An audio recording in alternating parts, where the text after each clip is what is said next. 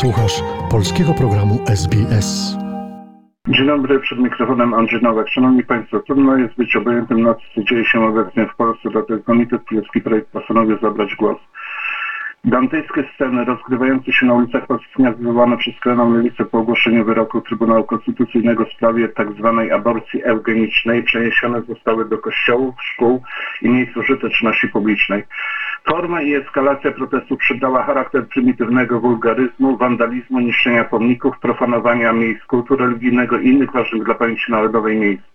Rzecznik Gdańskiego IPN Jan Chlebowicz poinformował o skandalicznym akcie wandalizmu związanych z protestami, jakie miał miejsce na cmentarzu ofiar hitleryzmu na Zaspie w Gdańsku. Wandalom mieścili napis Zabij księdza. Kolejny atak wandali nie oszczędził pomnika dzieci utraconych w Brzezówce na Śląsku. Wulgarne napisy na fasadach kościołów oraz budynków publicznych, przykład módlmy się o prawo do aborcji, wara od macic, aborcja bez granic. Szkoda, że Maryja nie zrobiła aborcji. Zniszczenie figurek dzieci fatyńskich w kościele w Szaftowie Wielkiej. Nie ominięto szkoły podstawowej dla dzieci niepełnosprawnych w Płocku. Pojawił się napis Wynosi się inochyrze, bo on zniesmaczony.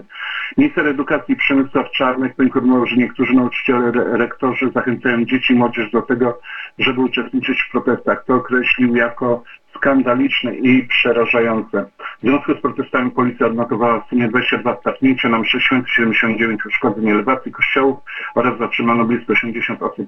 Współorganizatorka strajku kobiet Mart, e, Marta Lempart była ostatnim gościem redaktor Beaty Lubeckiej w Radiu Z. Dyskusja dotyczyła m.in. używania przemocy na, na manifestacjach strajku kobiet.